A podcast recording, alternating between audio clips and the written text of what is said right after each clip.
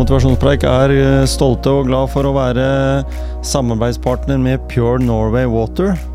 Hvorfor? Gå inn på purenorwaywater.com, så vet du.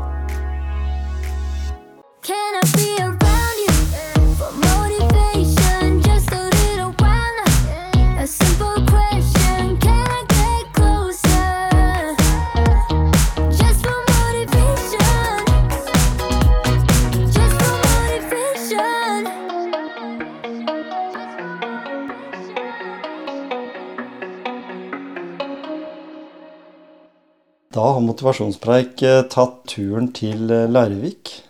Det er ikke så langt å kjøre fra Skien til Larvik i dag, med mindre du velger å kjøre på en tidspunkt som det er mye trafikk, og det er jo, kan det være. Og jeg er jo, som jeg nevnte tidligere i podkasten, jeg er jo eh, sånn tidsoptimist, så jeg har veldig lett for å tro at ting går så mye fortere enn det gjør. Men det er jo lov å være positiv, er det ikke det? Absolutt. Det er lov. Her eh, har jeg kommet eh, i møte med Lindis Ivar Brekke. Ja. Velkommen til Motivasjonspreik. Jo, takk. Veldig spennende. Du er eh, aktiv på mange fronter. Ja. Ja. Eh, du, det som jeg beit merke, det var at du er veldig aktiv i løping ja. Det har jeg blitt med tiden. med tiden. Ja, med tiden. Men det har ikke alltid vært det. Nei, det har det ikke. Fortell litt hvem du er, da. Ja, skal vi se hvem er det jeg er. Det er jo eh, Jeg er jo Lindis. Lindis, altså, ja. Komplekst menneske som alle andre. Eh, mange sider. Men når det gjelder løping, så har jo det vært eh, noe som har vært en hjelp eh, i tunge og vanskelige perioder. Eh, nå har det blitt en interesse som på en måte en livsstil, egentlig mer. Mm. jeg syns det er gøy med fellesskapet som, eh, som løpinga fører med seg. Konkurranser, utfordringer. Mm. det å teste seg selv. Eh, se hvordan kroppen eh, responderer på, på bevegelse og aktivitet.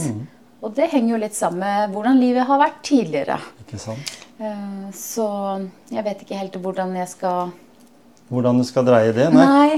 Det, det hele Ja. begynte jo i 1979. Ja, det begynte i 1979. Fordi at jeg er født i 1979, Ja. blitt 44 år. Det syns jeg for det første er veldig rart. Ja. Det er jo fint at man vokser eh, til å få lov å leve, men det er jo litt snodig å bli eldre. Ja. Eh, Det syns jeg. Men ja, jeg er født i Köln. Ja. I Tyskland, så jeg har en tysk far. Han lever ikke lenger.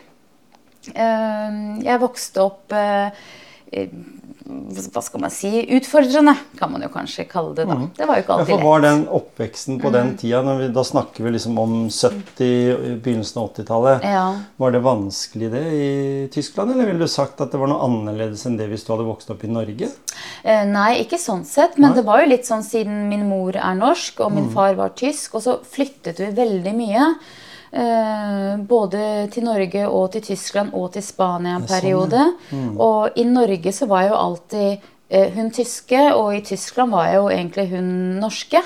Eh, så jeg vil jo påstå at den Jeg gikk på elleve skoler en gang. Det, det klarte jeg å, å telle meg fram til. Og det har nok gjort at man har en litt sånn rotløs eh, indre og tilværelse. Eh, så, men eh, samtidig også en tilpasningsevne som Ja. er veldig stor. da, Og en eventyrlyst. Ja, for, for det å Du sier det jo sjøl at den blir litt rotløs. og mm. Kanskje ikke 'Hvem er jeg? Hvor hører jeg til?' Eh, tenker du nå, da, når du sitter her i dag som 44-åring, at, at det på en måte var en av grunnene til at eh, En kan jo lese om deg i Ja. VG, til og med. Eh, leste tilbake igjen i, i tid. Det var jo det var noen år siden, da, men allikevel.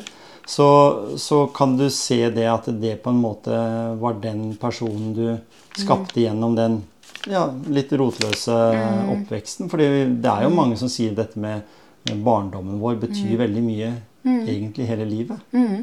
Ja, det vil jeg påstå er veldig riktig. Eh, jeg Hva skal jeg si? Altså, det var ikke bare det at man var rotløs, men det var ikke en optimal eh, barndom eh, på mange måter. Uten at jeg vil gå noe nærmere inn på det. Men nei, det er jo en, en årsak til at man eh, altså jeg brukte mat som medisin, da, kanskje. ikke sant? At jeg spiste veldig mye og var veldig inaktiv. Eh, noe som resulterte i at em, jeg ble jo veldig veldig overvektig eh, på et tidspunkt.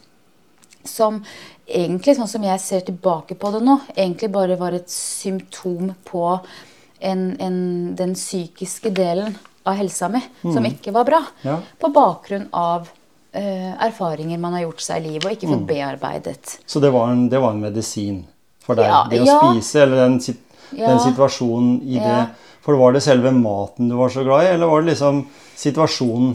At du brukte den som en uh, Begge deler, egentlig. For jeg elsker jo mat. Ja, ja. Uh, Det gjør jeg den dag i dag. Jeg syns jo det er utrolig godt å lage mat og smake ny Mm. mat. Og, og, og det er en del av hverdagsgleden, Ja. Mm. det med å ha god mat. da.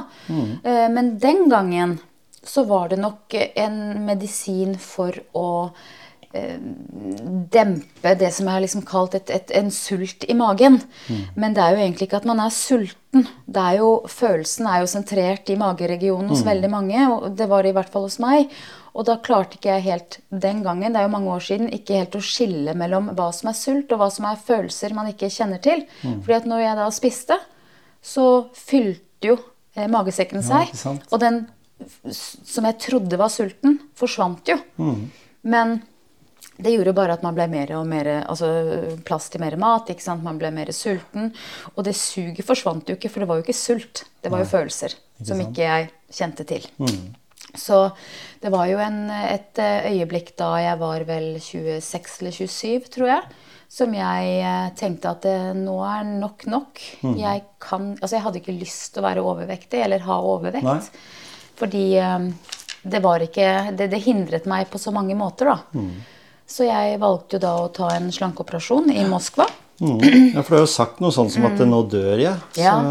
Ja, jeg det var liksom noe ord du har selv ja, brukt. Ja, og det var veldig spesielt, for jeg husker det så godt. Mm. Eh, og så syns jeg nå det er litt rart å snakke om det, for det er, så, det er ikke meg lenger. Nei. Men det har jo vært meg. Nei, ja. Det er jo en del av min historie. Det blir som å bla i en historiebok. Ja.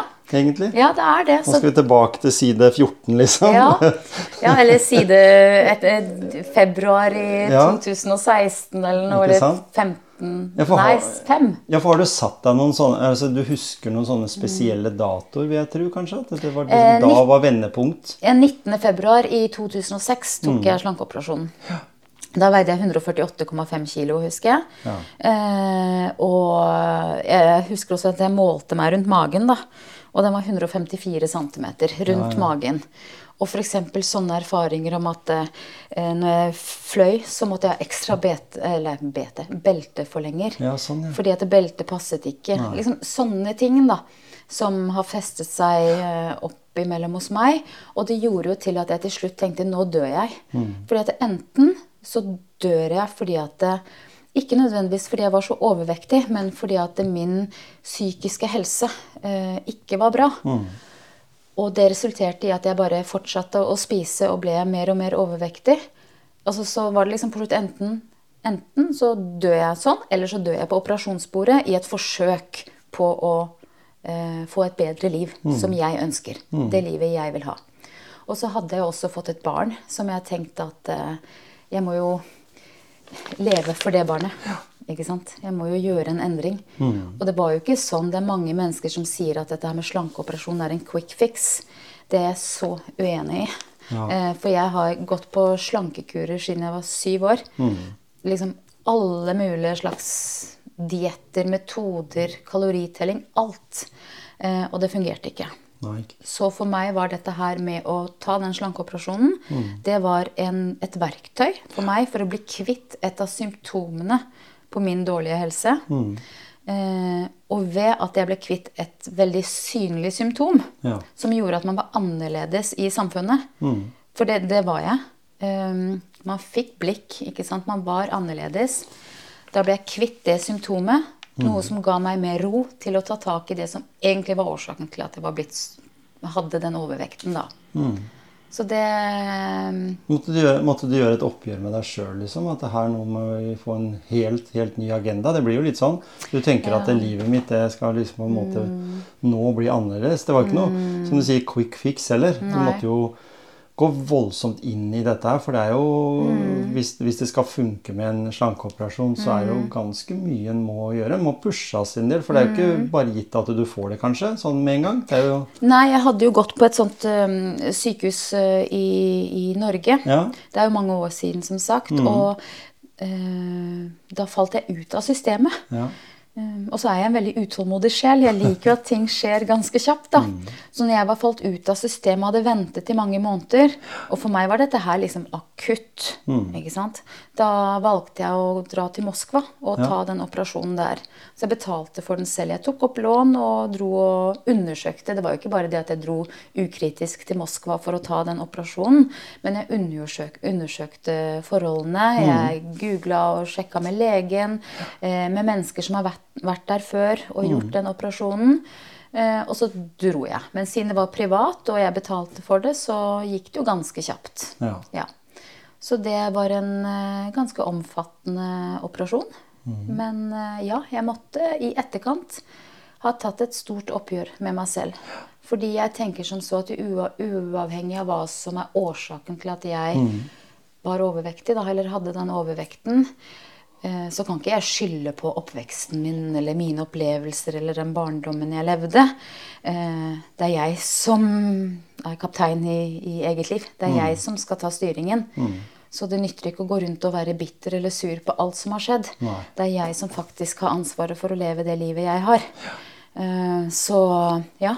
Så det blei liksom da en, eh, Mm. et, et vendepunkt der, som du sier. eh, Fordi du har jo sagt at du spiste oppimot 10 000 kalorier om dagen.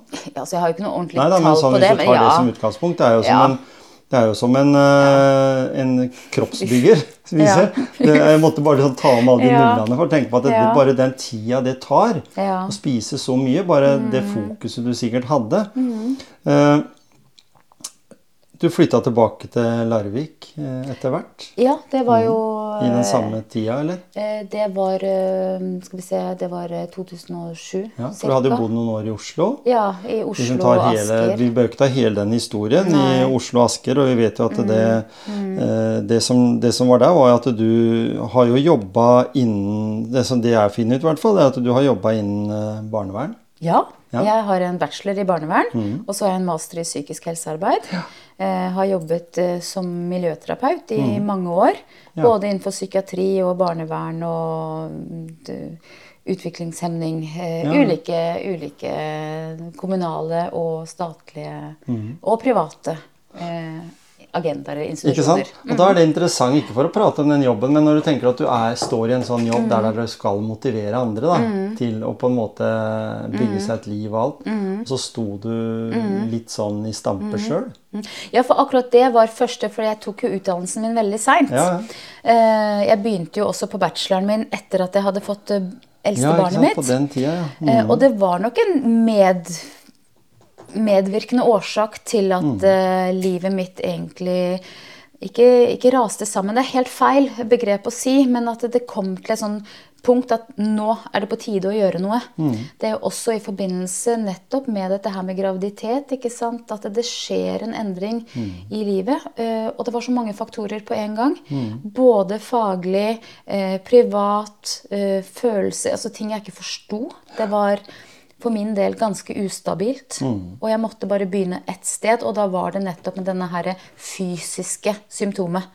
eh, For å bli kvitt én ting. Og det er det jeg tenker. altså Man har jo en diskusjon eller en, eh, Det er mange som snakker om at man først må fikse det psykiske, så kan man ta tak i det fysiske. Jeg tenker at det ikke nødvendigvis er riktig. Jeg tenker at eh, helse er helhetlig. ikke sant? Eh, det ene påvirker det andre. Og det er ikke bare fysisk eller psykisk helse. Du har emosjonell og seksuell helse. Alt påvirker. Og bare det å ha en inngripen et eller annet sted tenker jeg kan få eh, hele prosessen i gang til at et menneske tar tak i noe. Og Eh, der er jeg enig med deg, fordi jeg sa senest til en kollega i natt som var. Ja. Eh, Da prata vi litt om nettopp det der, for jeg jobber på nevrologisk Ja. nevrologisk avdeling. Eh, og der sitter jo da mange av pasientene og diskuterer, prater seg imellom i den kantina vi har. Ja. Og da var det noen som var glad i å røyke, og som spiser usunt. Du så det egentlig litt på de. Som klaga over at legen ikke fant ut av hva som var feil med de. Det var tredje gangen, husker jeg han ene sa veldig godt. Det var tredje gangen han hadde vært innlagt, og det var ikke mulig å finne ut av det. Så jeg tenkte jeg hadde så lyst til å si at begynn Ja. med én ting. Slutt med den røyken, Ja. f.eks. Ja. Se om det kanskje, ikke aleine, men, men da gjør at hele den videre prosessen gjør ting mye enklere. Ja, For da, det, nå kommer vi inn Som på noe sier. Mm. som jeg er litt opptatt av. Dette med bevegelse i livet. Ikke sant? For at hvis du starter et eller annet sted, så blir det nesten en flom av bevegelse Mm. som skaper muligheter da, for endring. Ikke sant? Så bare begynn med et eller annet. Og for meg den gangen, tilbake i ja, 2006 eller 2007, Mm. så var det, det Det letteste for meg å ta tak i, var jo faktisk å betale for at noen opererte inni meg. Ikke sant? Ikke sant? For at det skulle gi mulighet for endring. Mm. Alt det andre det var ganske tungt og vanskelig, og det hadde jeg ikke styrke til å ta tak i. Nei. Ikke på det tidspunktet. Neida. Fordi det var så vanskelig, alt annet. Så ja. Så når du tenker da det som utgangspunkt, da blir det litt sånn som at hvis du steker en kotelett uten å ha krydder på, på en måte, Mm. den kan smake helt tamt og ikke noe og så tar du litt krydder på bare, Mm. og så smaker den fantastisk godt. Så det blir litt sånn, selv om det blir feil kobling kanskje når vi snakker om mat og det problemet du har hatt i forhold til det. Mm. Ja. Men du sa jo selv at du hadde et uh, naturlig og Mm. godt forhold til mat, og var glad i å lage mat og sånn, Ja, så. Mm. det er jo på en måte ikke det som har Du bærer ikke nag til maten. Nei, måte. hvorfor skulle jeg det? Maten, maten er jo til for å mette oss og til å gi oss Mm. nytelse, tenker jeg. Vi er jo heldige som bor i denne delen av verden Mm. som vi har tilgang på mye god mat. Eh, og det er jo både kulturelt betinga, så er det jo mye fokus på mat, ikke sant? Men også denne Mm. kosen, da. Eh, eller bare det å ha en, ja, en fin tilværelse. Altså nei, nag til maten. Nei, nei, nei. Det er jeg som valgte å spise den maten. Ja, ja. Ja, så- er du, men er du, eh, aksepterer du det selv? Altså, har du tenkt, det har du sikkert gjort. Tenkt mye over eh, om det var noe du kunne gjort at du sjøl kunne gjort annerledes?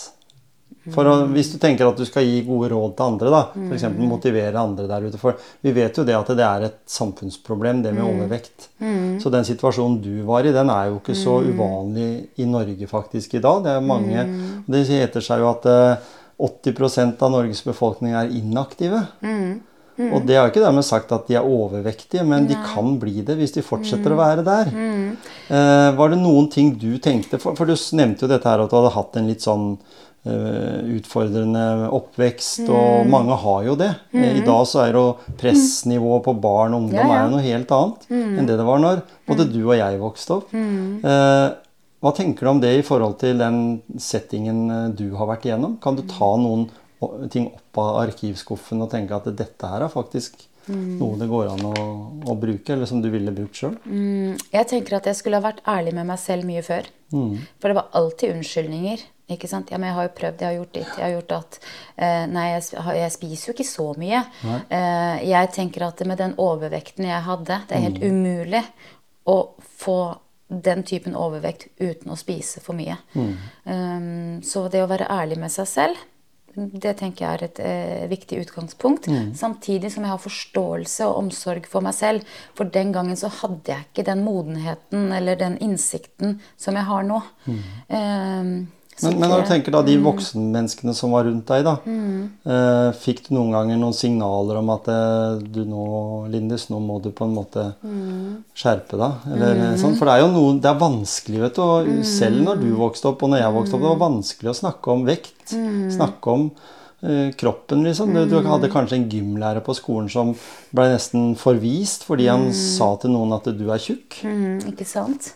Ja, det er dette her med ærlighet. Og, det, og nå, nå hører jeg jo liksom at vi er innom mange temaer, både med krenkelse og skam, ikke sant, og, og, og sårbarhet og tabu, egentlig. Ja. Eh, men jeg, altså jeg tenker jo tilbake til min tid. Det var aldri noen rundt meg som egentlig sa noe. Altså ja, eh, mine foreldre var jo der, ikke sant, og det var jo en, en en medvirkende årsak både til det ene og det Ja, andre. Og så fikk du de blikka, da. Ja. ja. Det gjorde man, og jeg husker Jeg har ei venninne, hun bor her i Larvik fortsatt, og vi blei jo kalt Titallet oh, ja. da vi var tenåringer. For hun var veldig lang og ganske eh, slank, og jeg var jo da ganske rund.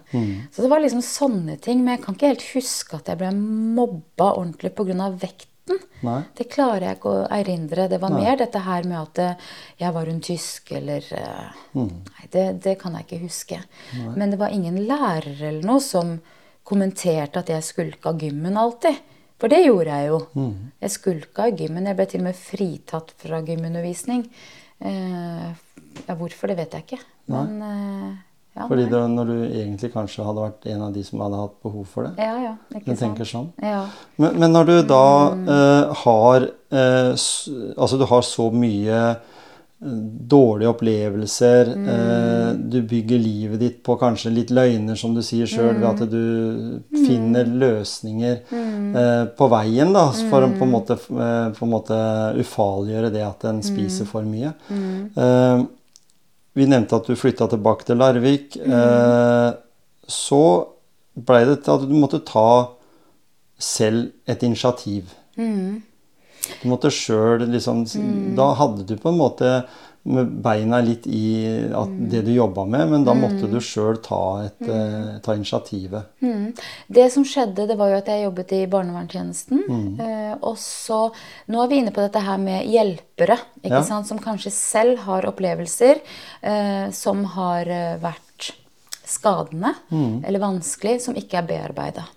Eh, så da vil jeg jo bare si at det, det er superbra at eh, mennesker som hjelper andre, har egen erfaring. Men det er veldig lurt at man er seg bevisst dette her, og at de er bearbeida. Fordi det skjedde med meg, som det sikkert gjør med veldig mange, er at jeg eh, eh, hva skal man si, møtte veggen. ikke sant? Altså Ikke møtte veggen, men jeg bare møtte meg selv i døra.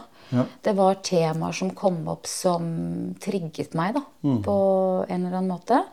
Eh, ble da sykemeldt fra den jobben og gikk i terapi. Ja. Eh, kjempebra. Jeg tenker alle skulle hatt eh, tilbud om kognitiv terapi. Eh, og det var jo en, en start for å forstå dette her med atferd. hvorfor man uh, agerer som man gjør ut ifra følelser og forståelsen av det. Eh, så det hjalp meg veldig mye. Ja, og jeg, jeg er sånn veldig opptatt av Jeg mener jo at det helsevesenet i Norge, selv om jeg jobber i det sjøl, Mm. vi venter altfor lenge med å komme inn med de tingene som fins der ute. Mm. Eh, fordi vi gjør det først når folk er skikkelig syke. Mm.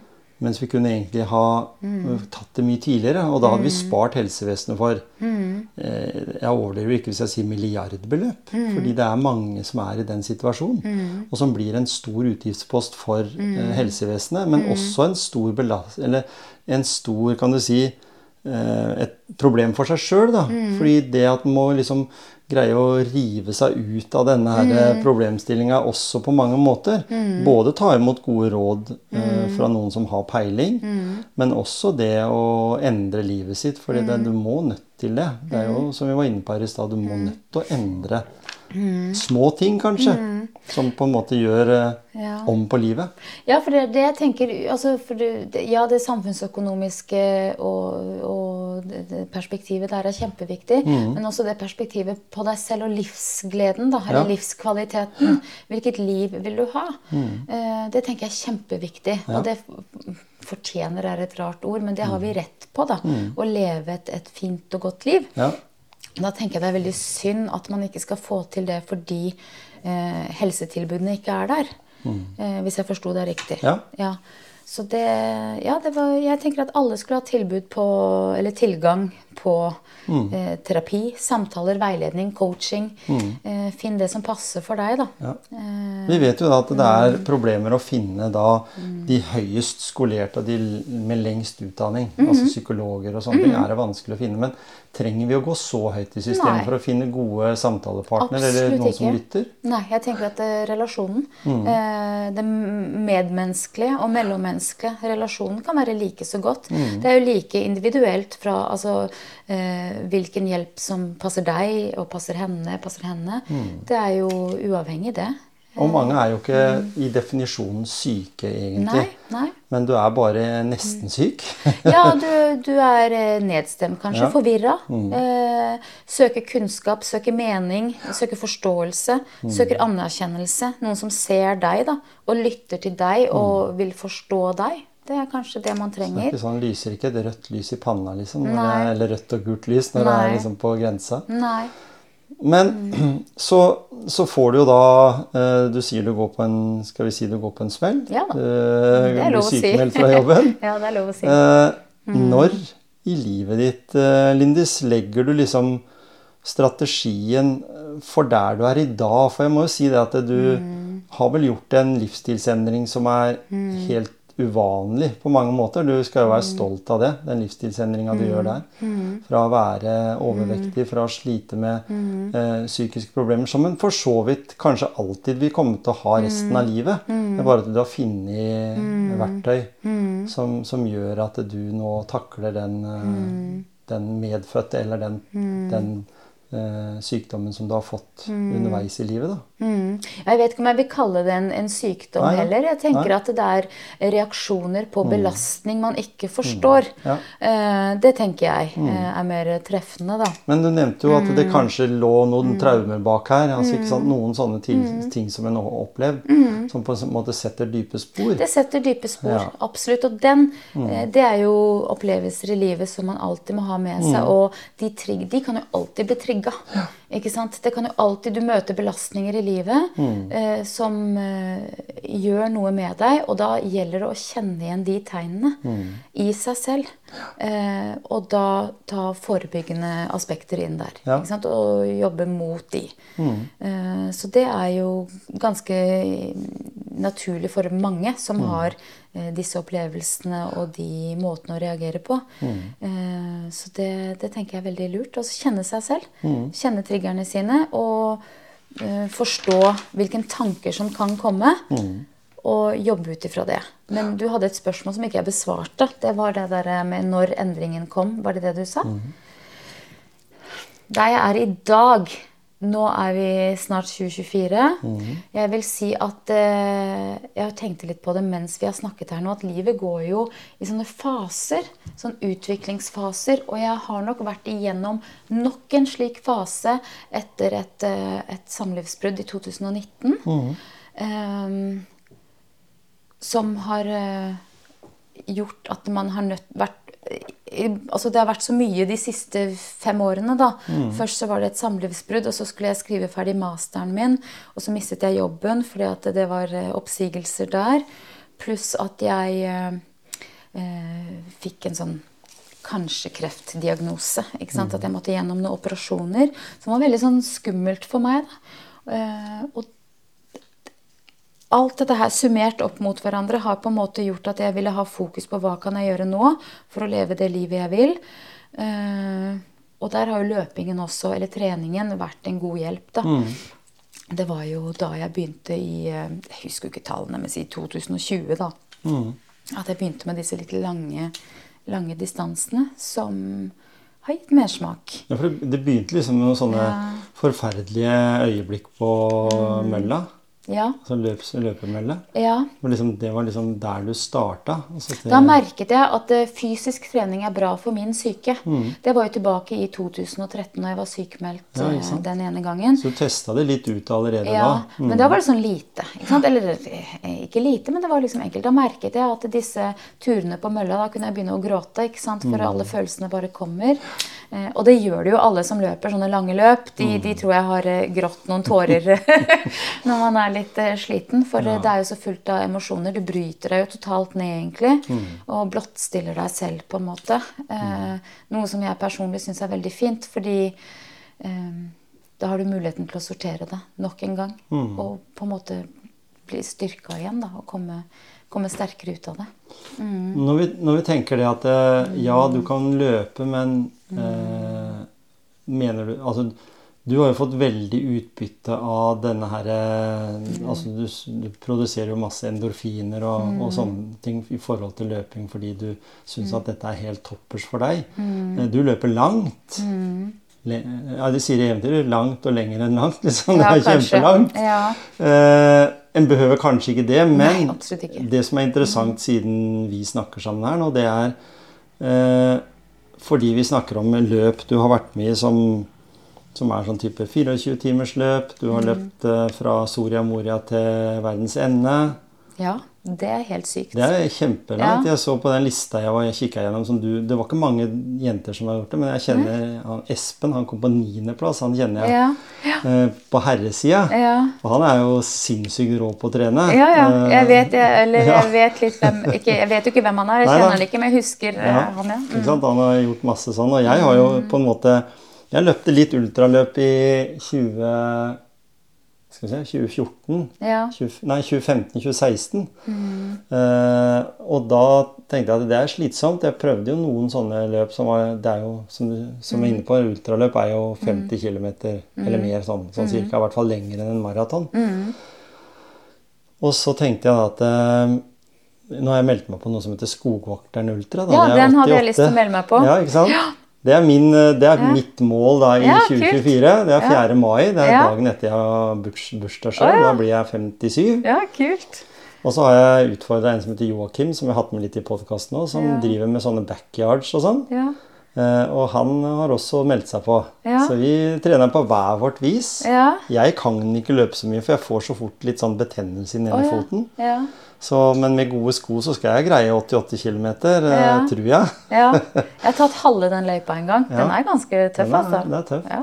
Så, så det er jo liksom sånne Mm. målsetninger vi har. Og du går jo i det med Mm.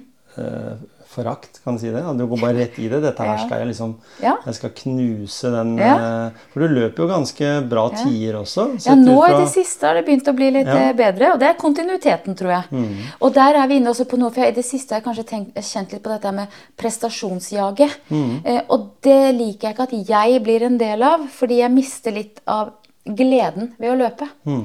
Fordi For meg så er løping og trening det skal være lystbetont, og det skal eh, gi meg mestring. Mm. og det er fellesskapet og bare det å stille til start, ha et mål, planlegge, gjennomføre, eh, det er liksom hovedessensen for meg. Fordi at det, i en verden på sosiale medier der du følger eh, en hel haug med superdyktige, eh, kjappe mennesker, så kan jo jeg bli litt sånn Å, jeg er ikke god nok. Eh, og det har jeg hatt nok av i livet mitt. Ja. Den følelsen av at jeg ikke er god nok. Eh, og det nekter jeg å være med på noe mer, egentlig.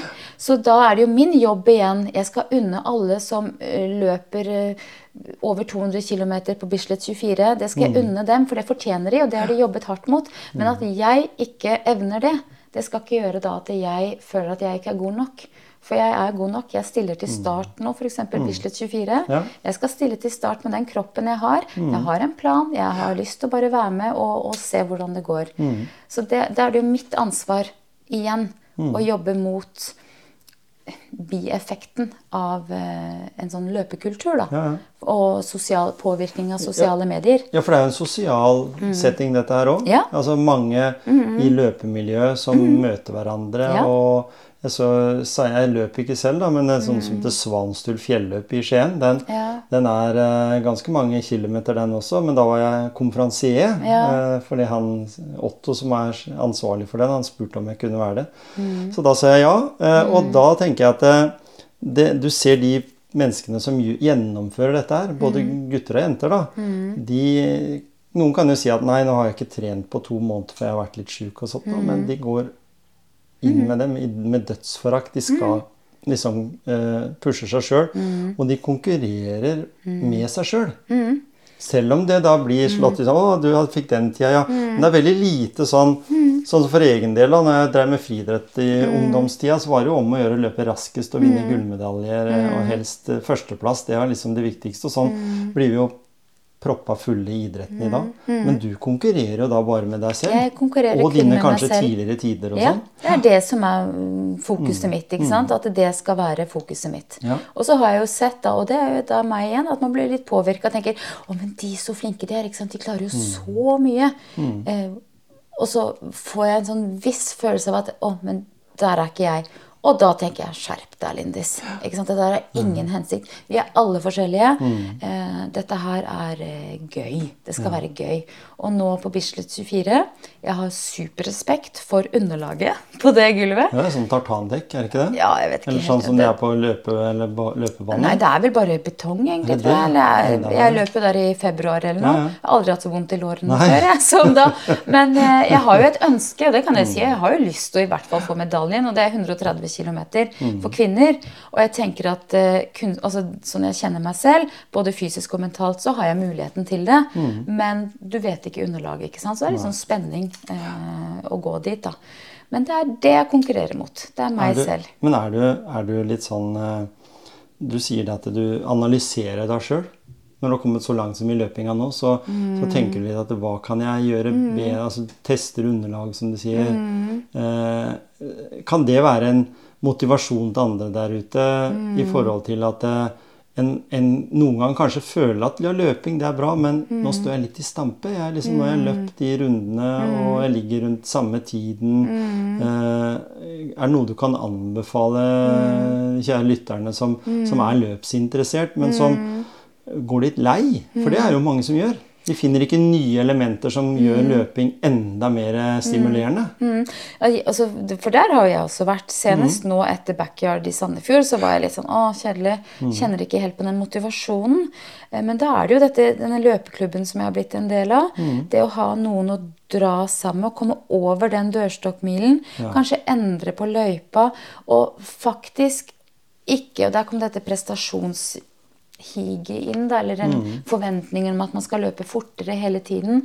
Men bare akseptere at nå er kroppen kanskje litt sliten, og motivasjonen er litt dalende, men kontinuiteten er viktig. Eh, og endorfinene kan komme like mye med hvis du løper en pace på sju enn samme enn hvis du løper på 5.30. Ikke sant? Det er liksom ikke Prøve å akseptere og forstå at kroppen ikke er optimal hele tiden. Og hel, altså at helsa ikke er helt ok. Men bare kom deg ut og endre løype. Eh, endre tidspunkt på dagen. Eh, ta kortere turer. Om det så bare er en kilometer, så er det fint. Men når, du, men når du da er i den situasjonen at du har endra livet ditt såpass Du har jo en kropp nå som fungerer sikkert mer optimalt enn den gjorde når du veide for mye. Eh, når du ser deg selv i speilet da, og så tenker at eh, Du ser jo ikke den Lindis fra tidligere, men får du litt sånn eh, tenk, tank, Tenker du det at eh, du slåss for å unngå at den gamle Lindy skal komme, eller er hun på en måte dratt? Hun er nok borte. Eh, ja. Jeg tenker at jeg skal Eller jeg kommer aldri mer til å ha den overvekten igjen. Eh, men så klart, man ønsker jo ikke, ikke det. Nei? Eh, Men jeg slåss ikke mot det. Det, det føler jeg ikke.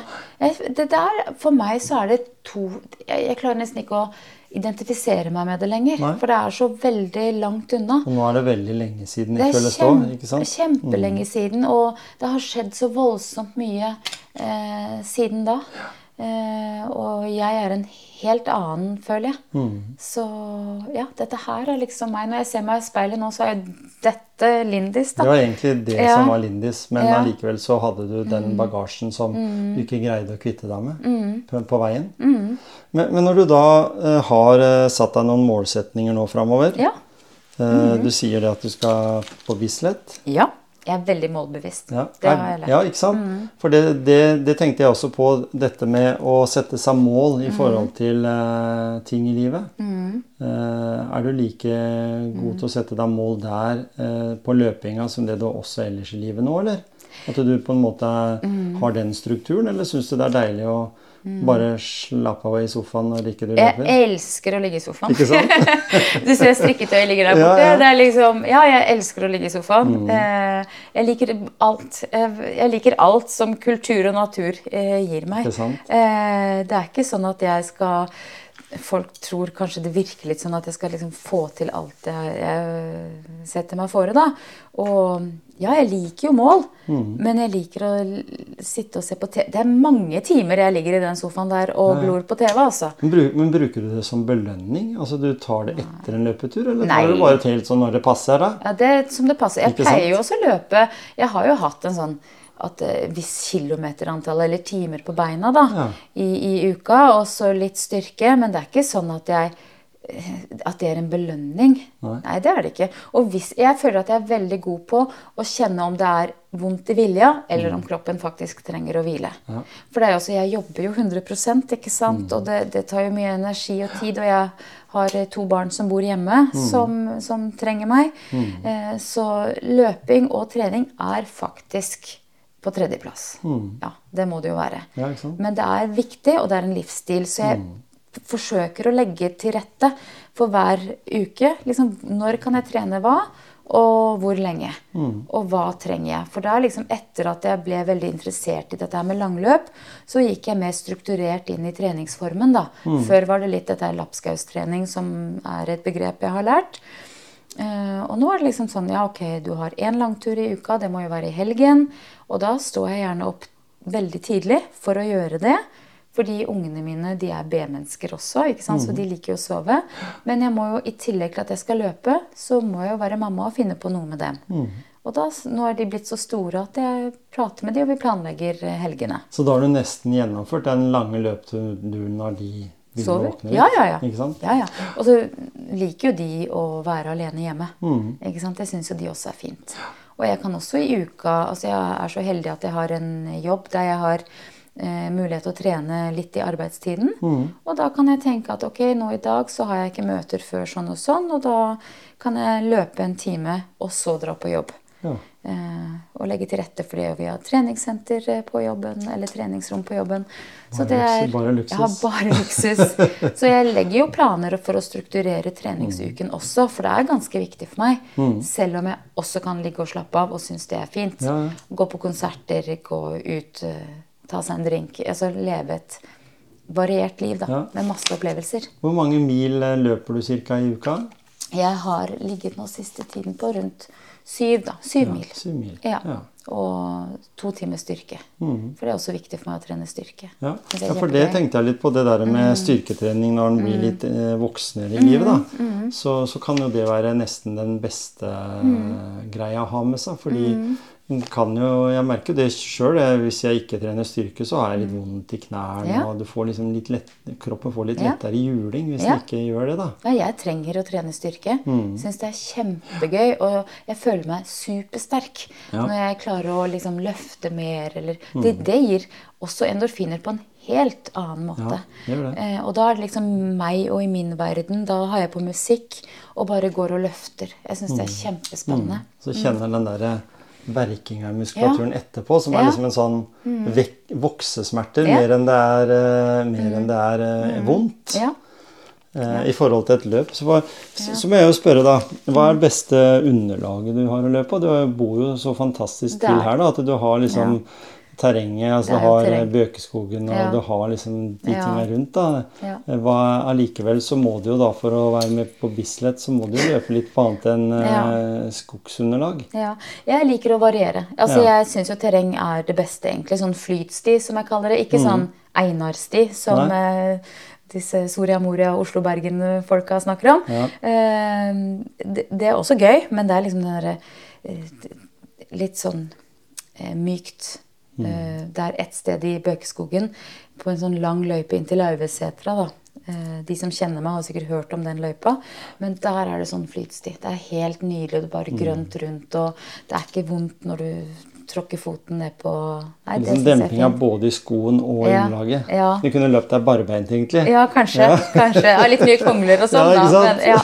Nei, men det syns jeg er fint. Men jeg syns også det er spennende å løpe på asfalt. Mm. For da har jeg jo nå i det siste sett at det, farten min kan øke. Ja. Og det syns jeg også er litt uh, spennende. Mm. Så- Du klør i kroppen etter å prestere, altså Mm. bedre egne prestasjoner. Eh, målet ditt nå er da Bislett 24. Ja, og så har jeg jo lyst Jeg går med en tanke. Akkurat i dag så fant jeg ut at jeg kanskje er litt interessert i triatlon.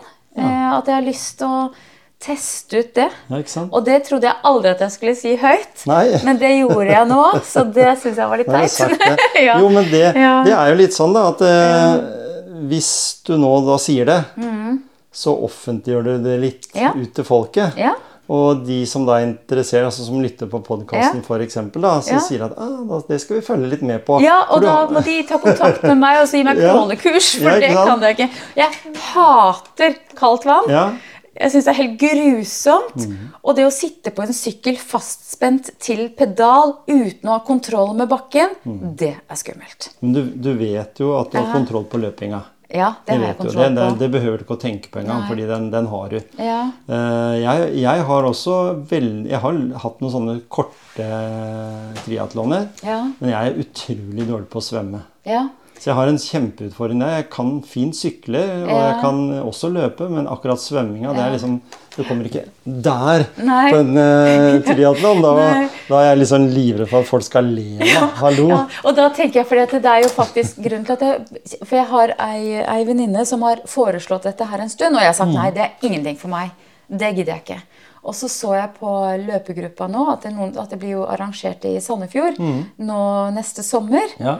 Så gikk jeg sånn Det er en sånn sprintversjon, er det ikke det? Eller Ja. er det en full versjon også? Nei, det var eh, 1,9 km svømming, og så var det 90 km sykling og en halvmaraton. Det er, en halv, jeg det er en halv triatlon, men Ja. det holder jo massevis å teste det ut. Ja, så faktisk nå på lørdag, jeg har ikke sagt det til barna mine ennå, for jeg fant ut av det i dag, så skal vi til Bugården i Sandefjord bare. De Ja. kan få lov å leke. Og jeg skal teste åssen det er å svømme fram og tilbake. Ja, ja. For det har jeg aldri gjort før. Og jeg kan, altså jeg kan jo svømme, jeg drukner ikke, men dette her kan bli interessant. Kan jo, så svømmer du jo med våtdrakt ofte, sånn at den Ja, har jo flyteevne. Ja, har, den- ja, det, Ja, aner ingenting. Den har, den har flyteevne, så det Ja. gjør at du flyter lettere, Ok, ja, det trenger og du blir varmere. Ja, For den, eh, den isolerer da sånn at eh, Og i Norge, vet du for Gisle, da, som jeg har hatt podkast med, Ja. han har jo vært i, på Hawaii og vært med i det er sant. Og, og ja da. Og da, han har jo hatt Han har Norseman, og han har jo Ja. flere sånne Ironman-arrangement mm. bak seg. Mm. Så, så han vet jo hva det vil si. Og, og det som jeg syns nesten er den største utfordringa, det er jo skiftesonen. Ja. Du skal bytte fra badetøy til sykkelutstyr. Jeg sett for meg at det er grusomt. Så skal du vrenge Ja. av deg sykkelskoa og på med Ja. joggesko, og så skal Ja. du løpe da en maraton hvis det er Ja. fulldistanse. ikke sant? Eh, Det er den derre Det var det som stressa meg, mer Ja. enn selve distansen. For når du først er i gang, Ja. på sykkelen f.eks., så er du liksom i sonen. Men akkurat i de skiftesonene imellom Kjempestressende. Hvor lang tid har du tid? Er det tidsfrist? Så, sånne Nei ting da, vet jeg ingenting men om. altså noen løp, eh, Ja. totalløpet er jo tidsfrist på. Ja. Ikke på sånne halve versjoner sånn som i Sandefjord, men, men det er jo frister for det hvis du, du blir tatt ut i Mm. Norseman hvis ikke du har nådd så og så langt i Gaute til Gaustatoppen, liksom. Mm. Men i hvert fall det at du uh, på en måte vet hvor, hvor er joggeskoene mine, da? Det er jo liksom 100 andre sine joggesko. Ja. Alle har har- eller Ja, noe sånt. Ja, ja. Så, eller noe annet. Så, så det, jeg, det stressa meg. Mm. Der henger sykkelen min. Eh, der har jeg liksom litt mat. Jeg må ha med Mm. det på veien. Så, så jeg blir liksom bare sånn å snakke av det nå, så blir jeg sånn nummen på leppene. Er det nesten. sant? Ja, ja. det er min lille angst. Ja, er det sant? Spesielt, det er Ja. som sagt spesielt svømminga. Jeg har Ja. fått så mange tilbud fra mange som jeg vet er gode på å svømme. Ja. Eh, At kom her skal jeg lære deg. Jeg har hatt ti øvelser, men jeg får det bare ikke til. Jeg føler jo at når jeg tar på meg våtdrakt, dykkerbriller, badehette Ja. og skal svømme med en sånn eh, flyteelement etter meg Jeg holder på å drukne. ja. Å, uff, jeg gruer meg. Jeg har sagt det nå. Så, Ja, det men ja. test det ut på sånne Ta for deg det som du sier, en Ja. svømmeøkt. Nå er Ja. det jo fortsatt eh, Ja, det er litt kaldt i vannet, kanskje. Det er iskaldt i vannet. Men uh, Ja. se hva du gjør. Jeg kjøpte den første våtdrakten min på Europris. Ja. Eh, Den funka helt greit. Ja. eh, Helt til du fant ut at det fantes tynnere og mer bevegelige Ja. drakter òg.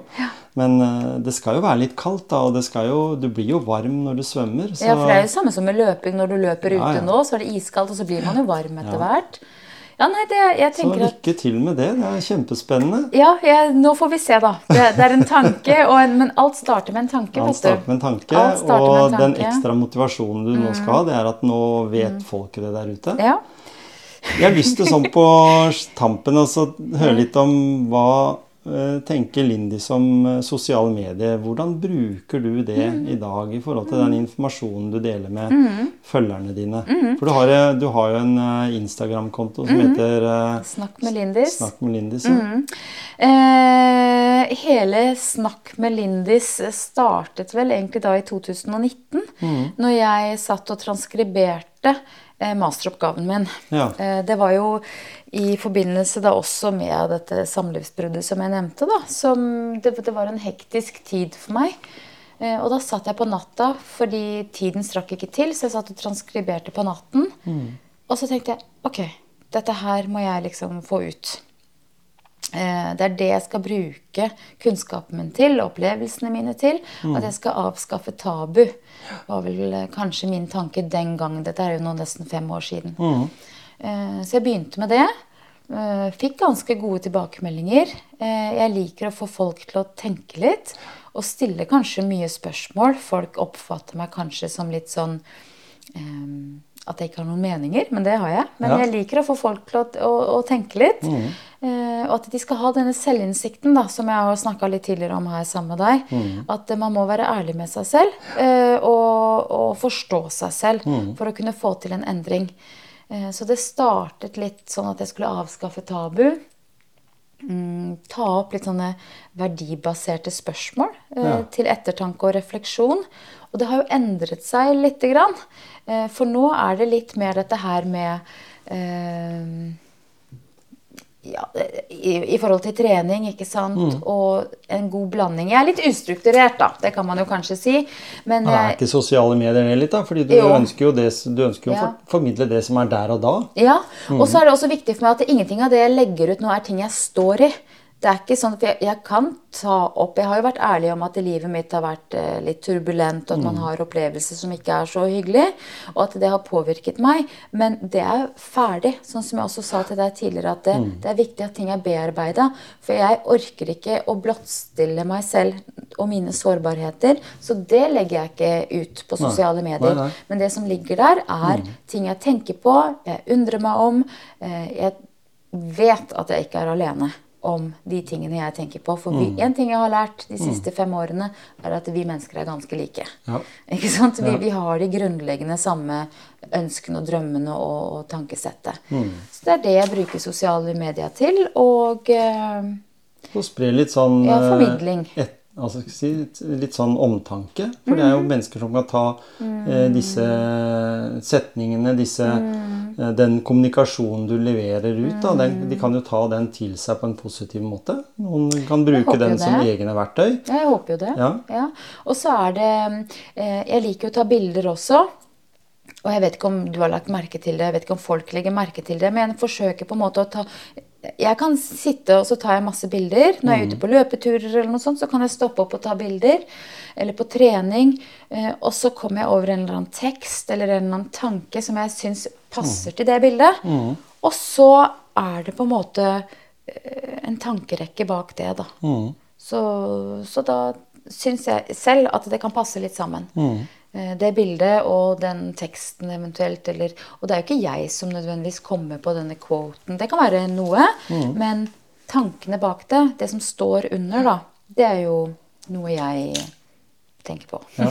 Og, så, og som du går med mm. både i det at du legger det fram på den måten, men også at du deler det med andre, da, så betyr det jo noe for deg. Ja. Ellers hadde du jo latt være. Ja. Jeg tror. Ja. ja, og det er sant. Selvfølgelig betyr det jo noe for meg. Eh, og det innlegget jeg la ut sist, det var ganske sånn litt akkurat ferdig med den sårbarheten. For det har vært litt vanskelig for meg eh, de siste to årene. Og nå er det liksom ferdig. Ja. Så da tenkte jeg ok, men da er det klart for meg å, å legge det ut. Og, og Snakk med Lindis, der ser vi også bilder der du mm. er stolt av kroppen din. Ja. Er stolt av det resultatet du nå har fått gjennom det du har på en måte Det, det har kosta mye svette og tårer og, og slitne muskler og gnagsår og hele pakka, liksom. Så det er ikke kommet gratis. Det er litt, kanskje, er, er det litt bakgrunnen for å vise at det, dette var gamle meg? Den, det, det, det ligger jo langt, langt bak i arkivskuffene. Mens det som er i dag, det er deg, og det er den. Ja, For det viser jo, sosiale medier er jo offentlig så det holder, liksom. Og alle de som har lyst til å se de tankene du gir, og de bildene du viser, så, så, så vi, er det jo en ærlighet bak det òg, er det ikke det? Jo, men da er det litt viktig for meg å si nå at eh, om mennesker har en overvekt, så betyr ikke det at de har det dårlig. Nei. Ikke sant? For det, det er individuelt. For min del så var det ikke bra Nei. å ha den overvekten, eh, fordi det hemmet meg i å leve det livet jeg kjente at jeg ønsket å gjøre. Og ja, jeg går og trener mye, og det er ikke nødvendigvis for at jeg syns kroppen min skal bli bedre eller finere, fordi at den, kroppen min bærer mye preg etter den overvekten. Eh, men jeg er også ganske sterk og har fått, liker å, å se at jeg får muskler Ja, også. ikke sant? Ja. Eh, og når jeg legger ut bilder av det Jeg, jeg føler ikke at jeg, jeg, jeg syns det er fortsatt flaut. Jeg liker ikke å stå og ta bilder av meg selv. For jeg tenker at herregud, skal en voksen kvinne gjøre det, liksom? Ja. Folk må jo tro hun er splitter gal. Men så tenker jeg at vet du hva, hvorfor skal ikke jeg være stolt over den ryggen, da? Ikke Mm. Ja. sant? Når jeg står og løfter og løfter og løfter og trener. Um, så skal jeg få lov til det. Mm. Uh, og det betyr ikke at jeg er et bedre menneske eller, eller noe. Det er ikke det fokuset jeg ønsker at det, Og kroppen min har blitt sterk. Men det er endringen Mm. uh, som ligger bak. Og da, og da vil jeg Mm. jo si at eh, ved å ha en sterk rygg, ved å ha Mm. en, en godt veltrent kropp, så er det lettere å gjennomføre den triatlonen, skjønner du. Ja, det er det. vet du. Det er det. Ja, og det er også, Du nevnte det i stad at når man begynner å bli voksen Jeg Mm. er 44 år. Kvinner de mister jo muskelmasse. Skjelettet. Alt jeg har fått nå sånn, Ikke påvist, det høres feil ut, men at ryggraden visstnok har forløperen til osteoporose. Ja. Så det er jo viktig å trene styrke. Ja. Mm. det er jo virkelig å, å holde seg oppreist. Jeg har ikke lyst å gå jeg tenker, Og det er litt sånn teit, eller kanskje det er bra. For livet mitt fram til jeg var 40, har vært kjempe opp og ned. Berg-og-dal-bane. Det har vært mye vold på mange måter. Det har vært mye belastninger, mye følelser, mye av alt. Mm. Nå har jeg lyst til å leve de siste 40, eller de neste, den tiden jeg har igjen, i ro, i fred, akkurat sånn som jeg vil. Jeg vil gjøre det jeg vil. Jeg skjønner at jeg velger hva jeg skal gjøre, og jeg vil ha en sterk kropp. Jeg har ikke lyst til å da tilbringe de siste årene av mitt liv med en dårlig fysisk, altså en dårlig kropp. Da, eller fysisk, altså at ikke kroppen min kan bidra meg, Nei, eller bidra til å leve det livet jeg vil. Ja, Jeg satte et mål for to år siden. Mm. Jeg ville gjøre eh, mer av ting jeg vil, Ja, og mindre av ting jeg må. ja det er Det var min sånn. lille Ja. livsfilosofi. Det er at jeg tenkte at jeg, Men så har jeg jo da begynt å bli flink til å få ting jeg må gjøre, til å bli vill. Ja, Sånn som å male huset, f.eks. Ja. Det er jo ting som er veldig sånn må male huset, og så blir jeg stressa av det. Eller jeg må, jeg jeg må klippe hekken. ja. Men så, så tenkte jeg det at så hjemme hos meg da, så, så var det sånn at eh, jeg fikk eh, robotklipper. ja, Jeg har ikke brukt den, jeg har ikke kobla den, for jeg skal gjøre det neste år. ja, For jeg brukte mye tid på å gå med klipperen. Vi har en Ja. stor grasstomt. ja. Eh, og nå kan jeg da bruke den tida til å gjøre andre ting i hagen som jeg føler er på må-lista, da. Så kan den klipperen gå der og ta det. Og så noen som sier jeg 'Har blitt lat nå?' Er sånn, Nei. jeg er ikke blitt lat, jeg har bare blitt eh, klok. Fordi jeg vet at det er bare masse bortkasta tid. Nå kan jeg eh, dyrke mer tomater, jeg kan Ja. gjøre mer et ah, sånne ting. Og, og da får du på en måte en, en større livskvalitet, tenker jeg da, gjennom å bare snu om litt på det fra må-gruppa til vil-gruppa. Ja, og det er jo sant, for at voksenlivet eller livet det har jo en del må-effekter. da. Eh, men å endre på perspektivet på det, sånn som du er inne på der, det er jo supersmart. Og det er klokt, det. Og få de hjelpemidlene man, man trenger for å få det til. Jeg hadde ei i løpegruppa. Hun sa noe til meg som jeg Vi snakket om dette med hva man ønsker liksom framover i livet. Mm. Og så sier jeg det at jeg vil bare ha gode relasjoner, jeg, sier jeg. Ja. Og så ser hun på meg, liksom, og så sier hun noe sånn at eh, Ja, jeg har bare gode relasjoner, jeg, sier hun. Og så tenker jeg liksom Å, heldig gris, ikke sant? Eh, eller noe sånt noe. Og så før jeg sier noe, så sier hun For de andre velger jeg jo bort. Ja.